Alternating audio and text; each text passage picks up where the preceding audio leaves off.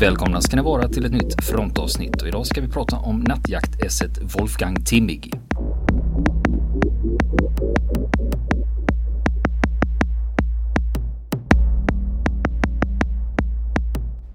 De här eh, nattjaktflygarna, eh, nu börjar det ju britterna intensifiera sina bombräder mot, eh, mot Tyskland och eh, framförallt var det ju eh, städer i, eh, i västra Tyskland som eh, fick, som anfölls ofta.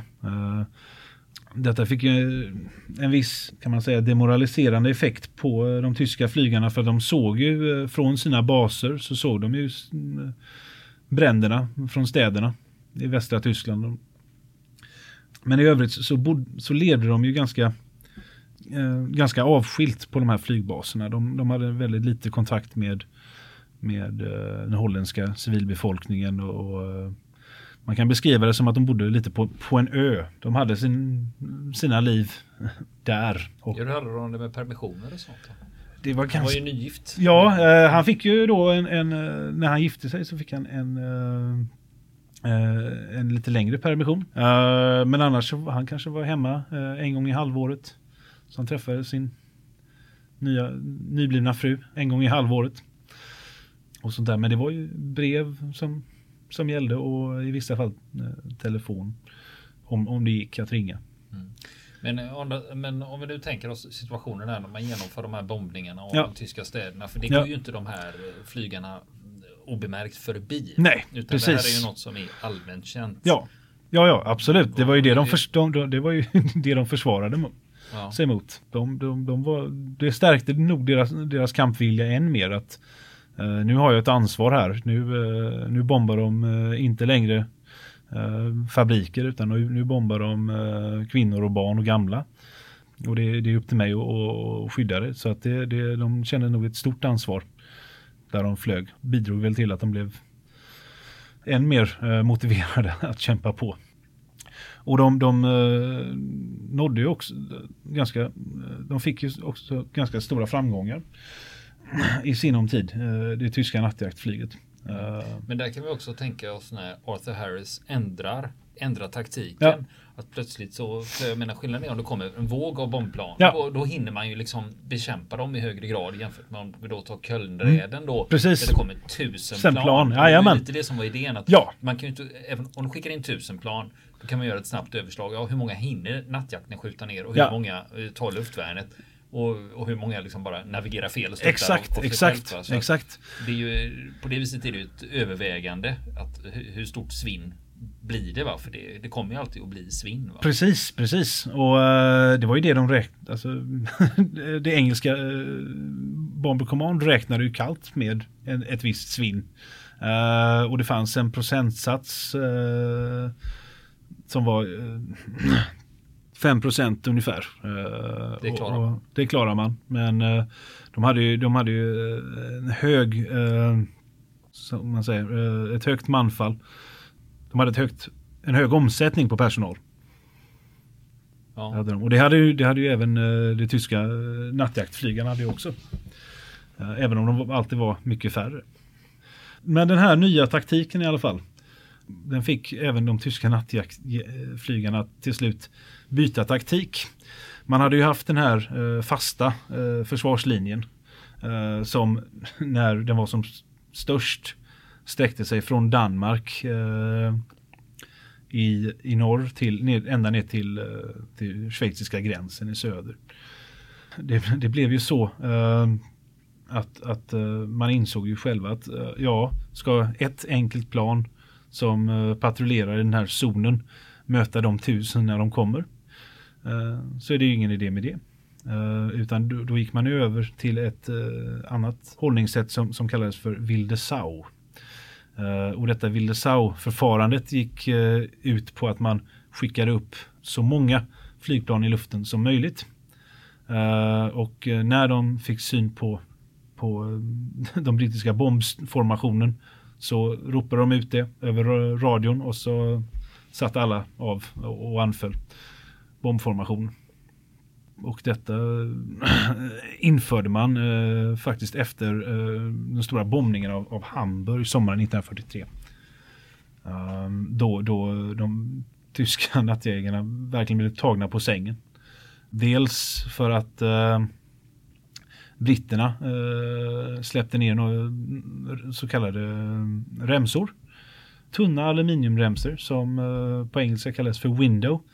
Eh, men det styr, störde ju ut eh, det tyska radarn. Så att helt plötsligt så var det massa eh, Radarekon i luften. Ja, ja precis. Flimmer. Tyskarna hade ju vid den här tidpunkten även fått uh, luftburen radar. Och detta var ju något helt revolutionerande. Inte längre, de var inte längre beroende av eh, markradarn på samma sätt. Utan de kunde hitta eh, de, de, sin, sin, fiende i, natten eh, med, med, sin egen flygburna radar så att säga. Och så, så det, där fick man ju tänka om helt och hållet och eh, Josef Kammuber som var ju hjärnan bakom den här försvarslinjen och det här tidiga sättet att bedriva nattjakt. Han fick sparken och han fick vara syndabock även om det inte riktigt var helt och hållet hans fel. Och den här försvarslinjen behöll man i viss mån men, men man gick över än mer till, till, till det här Wilde förfarandet Där man skickar upp så mycket planer i luften som möjligt i korta drag. Mm. Men gav, märkte man att det gav resultat? Då? Ja, det gjorde det. Och det var ju det det, det, var det, det gjorde. Det gav ju i vissa räder så var ju till exempel den uh, över Nürnberg i mars uh, 44 så var ju så var ju framgången för tyskarna så pass stor att engelsmännen ställde in sitt nattbombande. Hur, stora förluster var det frågan om? Alltså ja. Ungefär överslag i procent. För vi pratar om den där 5 Ja, precis. Ja, det var ju över 5 procenten. Men det, det var närmare 10 procent i, i den räden över Nürnberg.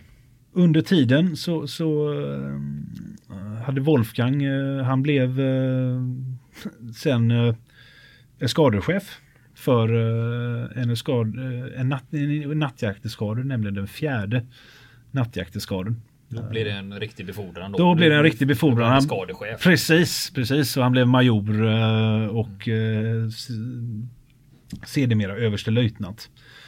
Uh, och den här uh, eskaden var ju förlagd i Frankrike. Du kan tänka dig Frankrike uh, 43-44 innan invasionen.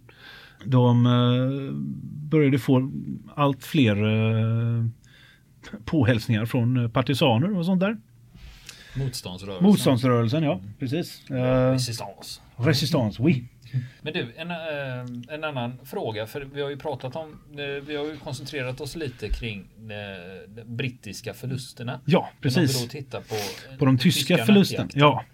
Det, um, där måste det ju ha funnits betydande förluster också. Absolut, det var det ju. Men uh, man brukar säga att, att uh, Bomber Command förlorade ungefär 55 000 personer i, i antalet stupade.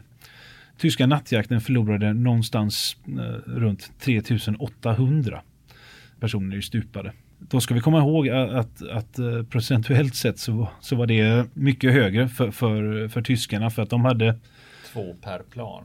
Två per plan.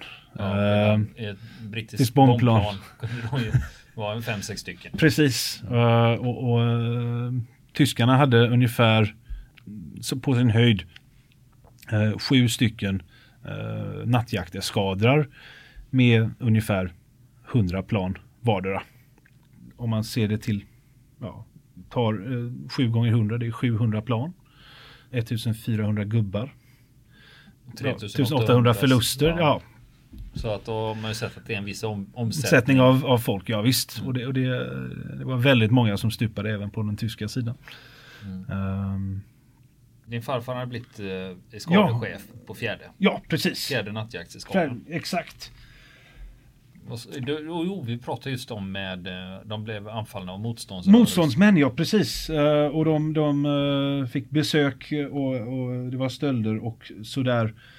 Och jag har faktiskt en, en ganska rolig sak som jag tänkte läsa här för, för er. som, som hänrör sig just till en episod Eh, på den här eh, flygbasen under tiden i Frankrike. Och eh, min farfar han fick en dag, skulle få besök. Och då tänkte de skoja till det lite med honom. Så jag läser härifrån. En dag fick jag ett telefonsamtal från divisionen i München. Jag tror att det var den sjunde jaktdivisionen. Och till mig anmälde sig en major vid generalstaben, Sobel, en gammal vän som jag varit staffelkamerad med i Legerswader, i Raduchs staffel. Han ville komma på besök för att undersöka om allt stod rätt till, vilket det egentligen inte gjorde. Jag sa till honom att han bara kunde komma under den allra senaste skymningen. Hos oss var det flyginsatser hela dagen och piloterna med deras besättningar i, deras, i dessa flygplan hade fått avvär, avvärja ett fientligt anfall. Sobel hade berättat för oss att han skulle komma sent och på kvällen väntade jag tillsammans med min underordnade gruppenkommandör Hauptmann Kamp på detta höga besök hemifrån och som avtalat under den sista kvällsskymningen uppenbarade sig ett flygplan stolt på kvällshimlen. Vi hade däremellan utrust, utrustat oss så att det verkligen skulle se ut som om vi låg vid fronten. Vi hade reglementsenligt hängt på oss maskinpistoler och satt handgranater i våra koppel och när flygplanet efter ett antal inflygningar landat och Sobel kommit ut ur planet och glatt hälsade på oss höll vi handen för munnen och sade Tala inte så högt, partisaner, partisaner. Vi spanade snabbt och gick, och gick i försvarsställning. Det var som vanligt ingen fara. Ehm, men det var strax efter fullmåne och det innebar en stor risk för fiendens moskitoplan. I alla fall begav vi oss till Kamps officersmäss där den första flaskan champagne öppnades. Champagne hade vi ju. Vi låg ju i rem. Och efter den andra och tredje flaskan beslutade vi oss för att bege oss till mig och min officersmäss för att fortsätta fira och verkligen visa upp den hårda vardagen vid fronten. På så vis skulle resan fortsätta in i Rem till det gamla bekanta Palais Oriental. Jag hade för vana att åka i öppen bil med hagelbössa på natten och sittandes på ryggstödet i framsätet med min radiooperatör medan min radiooperatör körde för att skjuta kaniner som lystes upp av de små strålkastarna och så skedde naturligtvis även denna gång. Och Kamp och Sobel åkte med i en bil efter oss. Medan vi var uppe på åsen fick jag för mig att kasta en handgranat in i skogen. Därefter började Sobel och Kamp skjuta med spårljus och vanlig ammunition och jag kastade flera handgranater i vägkanterna. Det utvecklade sig därmed en till en regelmässig eldstrid utan motståndare och i detta mitt tillstånd får vi in på min förläggning. Jag kan än idag minnas den skogsvägen med dess kaniner. In på kasinot och direkt mer att dricka. Sobel var djupt imponerad av vår hårda vardag. På förlängningen rådde fullt stridslarm, som sagt. Moskitoplanens inflygningar, handgranater som exploderade, spårljus och en regelrätt eldstrid som inövat intog man, och som inövat intog manskapet stridsställningarna. Medan vi gladeligen drack rapporterade en underofficer till mig. Han hade en patron i handen vars tändhant var inslagen utan att patronen hade avfyrats. Och han förklarade för mig att han siktat på den första bilen, den där jag satt. Eftersom han trodde att det var en fiendens fallskärmsjägare hade han avfyrat maskingeväret. Men utan att det fungerat. Vi var utrustade med franska kulsprutor och de fungerade i regel inte alls. Med dem kunde man som bäst kasta. Ung som man var tog jag det oftast inte på så stort allvar, men denna gång var det så, så allvarligt att jag tappade all lust att fortsätta med resten av programmet för vår gäst. Och vår gode Sobel får in till Rem med Kamp och de andra. Jag hade verkligen ingen lust längre. Här har vi alltså en episod som, som eh, en av de få saker som jag har hittat där min farfar skrev själv ner sina memoarer, efter, eh, minnen efter kriget. Och som jag faktiskt hittade i en, i en byrålåda som min eh, farmor hade. Man kan ju tänka sig själv eh, hur, hur eh, de tyska flygarna under sin eh, under brinnande krig och de behövde ju de behövde ju eh, eh koppla av lite och eh, det är klart, var, satt uppe i ett flygplan och var våghalsig varje natt och, och riskerade livet så, så var det väl ganska våghalsig även på fritiden. Därav denna lilla episod. Ja, ja, det är jätteintressant ja, att höra ja. just när det, är, när, när det är personen själv som har skrivit ner ja, det. Precis. Också, det är ju då det har ett. Precis. Det är då det är intressant. Men vi var framme vid 43 nu va? 43, ja precis, 43, 44 och eh, kriget eh, rasar ju och, och, börjar väl gå sådär för Tyskland. Framförallt på östfronten och i Frankrike så, så eh, ser de att eh, engelsmännen börjar de allierade börjar skifta eh, och, och, börjar anfalla mål eh, som, som inte Eh, in, i, som är i Frankrike. Det hade man inte gjort innan utan man hade ju anfallit eh, en, en, enbart anfallit Tyskland. Och, och faktiskt från eh, våren 44 eh, fram till invasionen så, så, eh, eh, så, så, var, så var bombflyget helt inställt på att bomba mål i Frankrike. Och, och, eh, och det var kommunikationslinjer och järnvägslinjer och massa sånt där. Mm. Det var ju som förberedelse inför invasion. Man skulle sluta så mycket infrastruktur som bara gick. Precis, precis. De märkte också att uh, det dagtida uh, luften uh, inskränktes ju av amerikaner som uh, flög in och bombade i sina stora luftflottor och det amerikanska jakten som anföll flygbaser. även eh, och på natten så hade man ju då eh, Mosquitos från, eh, som var ett brittiskt tvåmotorigt jaktplan som man skickade in på natten. Som, som cirkulerade runt de tyska flygfälten och försökte skjuta ner de andra tyska nattjaktplanen. Mycket riktigt så, så kom ju invasionsstyrkan i juni 1944 Eh, i samband med detta så, så, eh, eh, så beordrades den fjärde nattjakteskaden att genomföra anfall på natten. Och mot, mot, alltså markanfall på natten.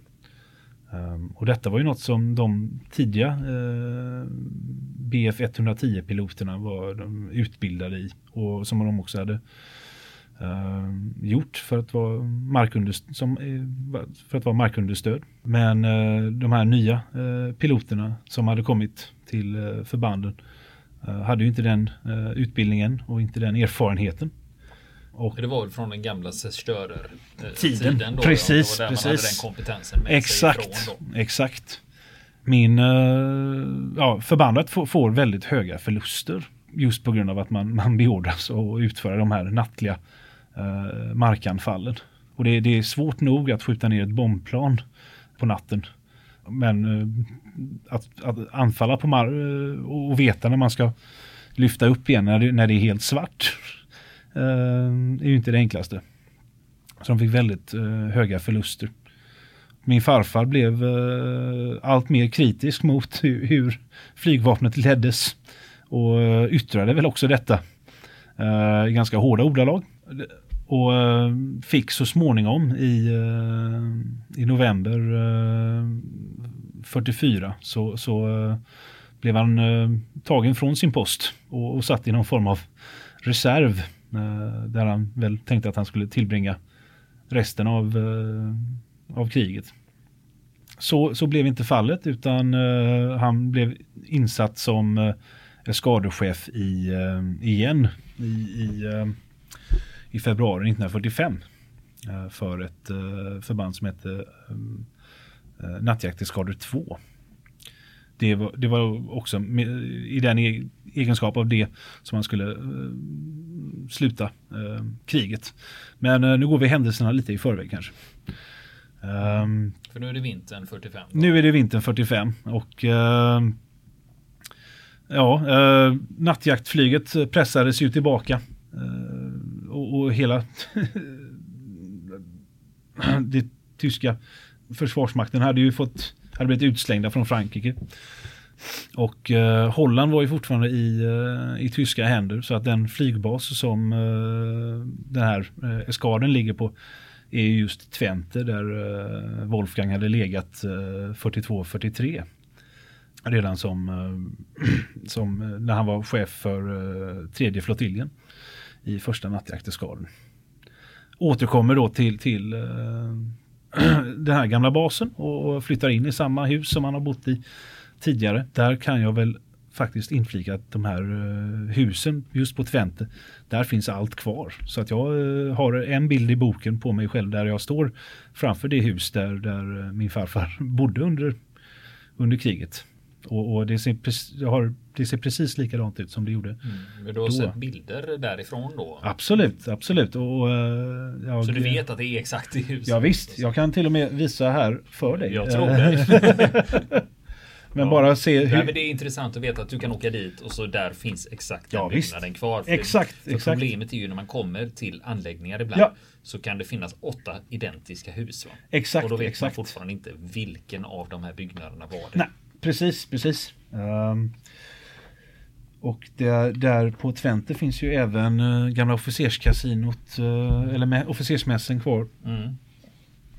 Eh, och eh, om vi då tittar, här är ju två bilder på exakt samma hus då. Ja. Och eh, vad är det som skiljer i år här? Det där är 1943 och det andra är 2012. Ja, och det, är, det syns ju ingen större skillnad. Nej, Nästan. exakt. Ja, det är väl att det står på ena står det en modern bil ja. utanför, annars ja. är de identiska. Japp.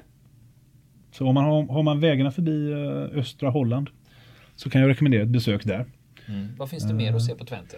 Ja, eh, som, som jag nämnde, deras eh, officersmäss, eh, förrådshallar, manskapsbyggnader, matsalar.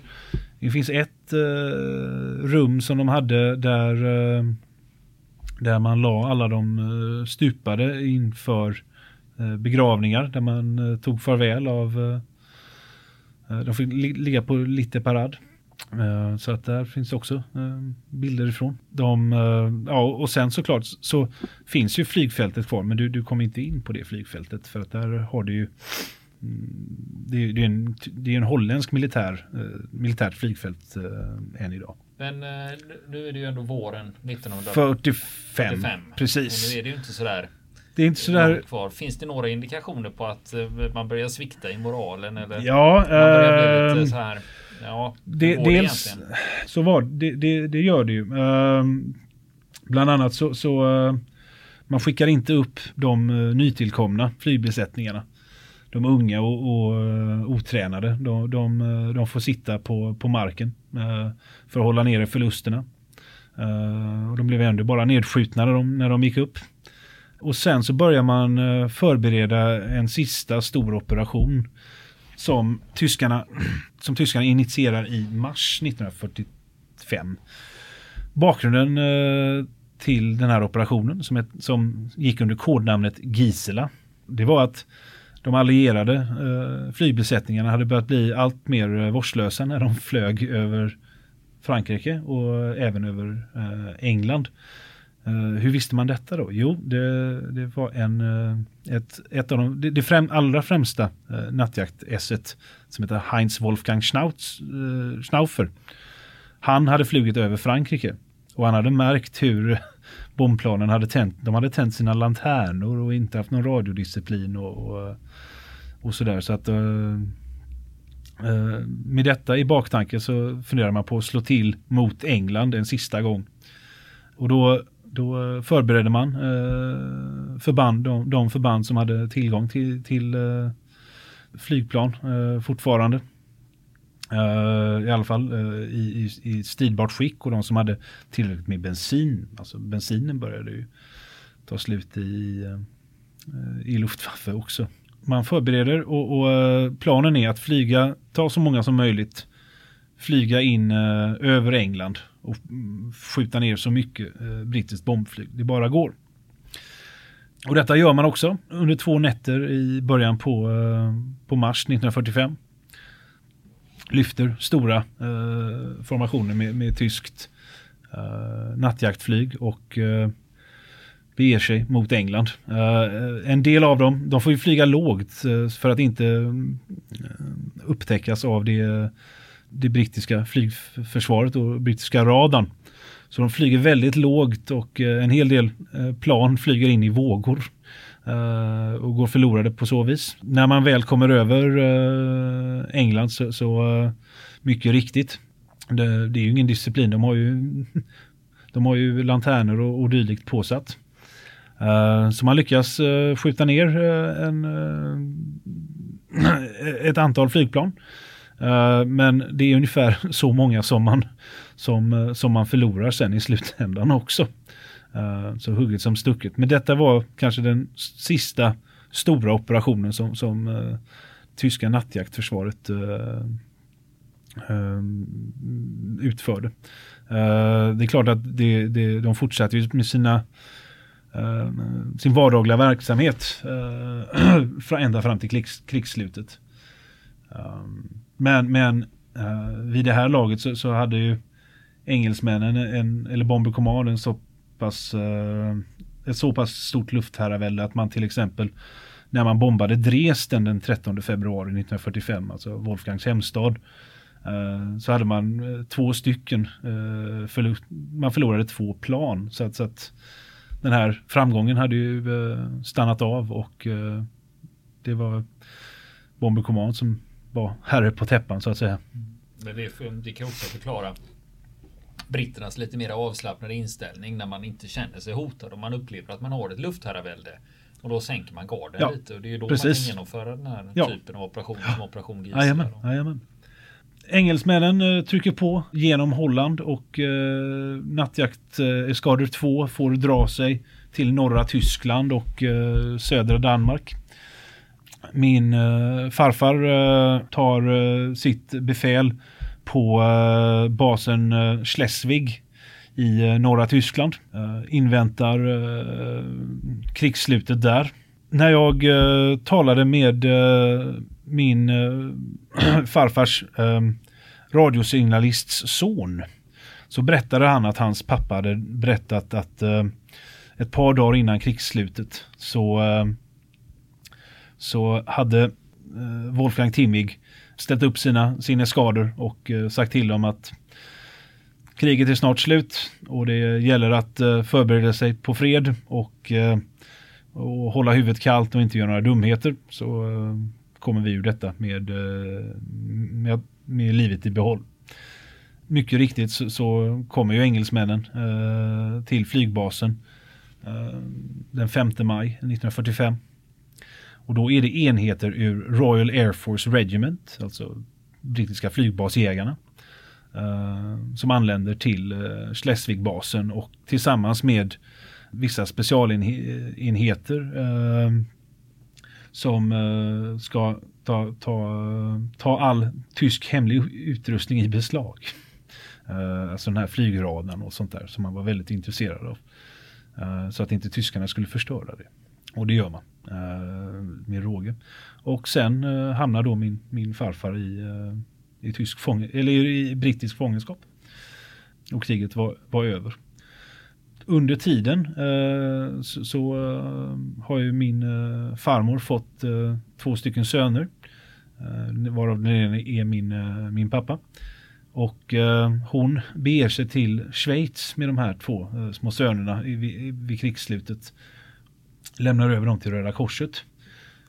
Som ser till att de kommer till Sverige. Så de kom till Göteborg med små lappar runt halsarna där det stod deras namn och så de omhändertagna av sin mormor här i Göteborg. Men stannar hon kvar? I, hon stannar kvar i, i Garmisch-Partenkirchen ja. för att vänta in min farfar. Hon visste ju inte om han levde eller om han var död. Hon hade inte hört från honom på, på, på flera månader. Det hade ju postgången hade ju den hade lagt av. Den hade lagt av, ja. Mm. Och till slut så uh, får min farmor nog av att sitta och vänta så hon börjar, hon börjar gå från södra Tyskland. Och hon går runt till fångläger, krigsfångläger och frågar om de har någon Wolfgang Timmig där. Men gör hon det i närområdet då? Hon gör det i närområdet börjar hon och sen går hon, tar hon sig norr, mer norrut. Uh, för jag menar Schleswig är ju i danska gränsen. Det, är och, ja, precis. det är ju extremen här. Va? För Garmisch ligger så långt ner i söder du kan komma. Exakt. Och Schleswig är så långt norrut du kan komma i Tyskland. Och tänk då att, att uh, den tyska tågtrafiken var ju nere. Ja, det här var ju ett land i ruiner. Det var ett land i ruiner. Du fick inte röra dig mellan de här olika ockupationszonerna heller. Uh, även om det släpptes uh, senare. och verkligen, ja, ett land i ruiner. det fanns inga bilar nästan och kvar. Med, bensinen var ju ändå slut. Och, Jag kan ju tillägga att det var ju fler kvinnor än hon. Ja. Var och letade efter sina män. Precis, precis. För det var ju många som hade, alltså jag vågar inte, jag vågar inte dra till med en siffra. Nej, men där man inte visste att ja. sitter de, är de döda eller är de i fångenskap? Man, ja. man visste ju inte. Nej visst, så var det ju. Ja, eh, till slut så hamnar hon i norra Tyskland. Och eh, får av, eh, alltså engelsmännen använde ju tyska soldater som vakter. Samtidigt som de tyska soldaterna fick, de fick bistå sig själva med, de fick hitta mat själva. Fick ingen förplägnad och man valde att kalla dem för civilinternerade. På så sätt så, så, så uh, slapp man att uh, eh, förse dem med mat som man hade varit tvungen att göra om de var krigsfångar. Så de fick hitta mat själva. Uh, min uh, farmor uh, träffar då en, en, en, soldat som står vakt i, vid ett läger och när, han, när hon, hon säger namnet Wolfgang Timmig så, eh, så eh, berättar han jo, jo, jag har tjänstgjort under honom och eh, han ligger förlagd vid det, vid det och det fånglägret i det området. Där hittar ni honom. Mycket riktigt så, så, så, så fanns han vid detta fångläger. Eller läger och läger var det inte. De, de, de, de, bodde, de tyska före detta nu soldaterna, de bodde ju i laggårdar och, och eh, höskullar och ja, i byar. I byar ja, precis. Så det var ju inte det att man tänker sig när man var internerad att det var taggtråd och nej. Nej, nej. Det var ju någonstans var man ju tvungen att ha dem. Ja, precis. precis. Och, eh, eller i, i, i tält eh, under bar himmel. Det, det, var ju också vanligt förekommande. Och de fick ju äta vad de, vad de kunde komma över i, i form av växter och, och, grönsaker och rötter och, och sådär. Och eh, det var väldigt intressant. När jag skrev boken så hade jag viss kontakt med vissa eh, tyska flygare som hade känt min farfar och, och eh, en av dem eh, som hette Martin Dreves. Han eh, berättade han hade, suttit, eh, han hade suttit i samma by då som, eh, som farfar, eh, samma fångläger om vi säger så. Eh, och han berättade, ja, din farfar hade tur. För han fick nämligen uh, komma därifrån i, uh, redan i november innan vintern kom. För att tydligen så hade det varit enligt honom uh, ganska svåra förhållanden sen när, när kylan kom och de inte hade så mycket mat. och på så sätt så, så återförenades ju också min, min farmor och farfar. I november 45 då? I november 45 ja, precis. Då blev han släppt från fångenskap. Och nästa vecka fortsätter vi historien om Wolfgang Timmig. Vill ni komma i kontakt med oss så kan ni göra det via vår Facebook-sida som heter Fronten. Det är inga problem för er att leta er fram där. Eller också så mejlar ni på vår mejladress och det är frontenpodcastgmail.com.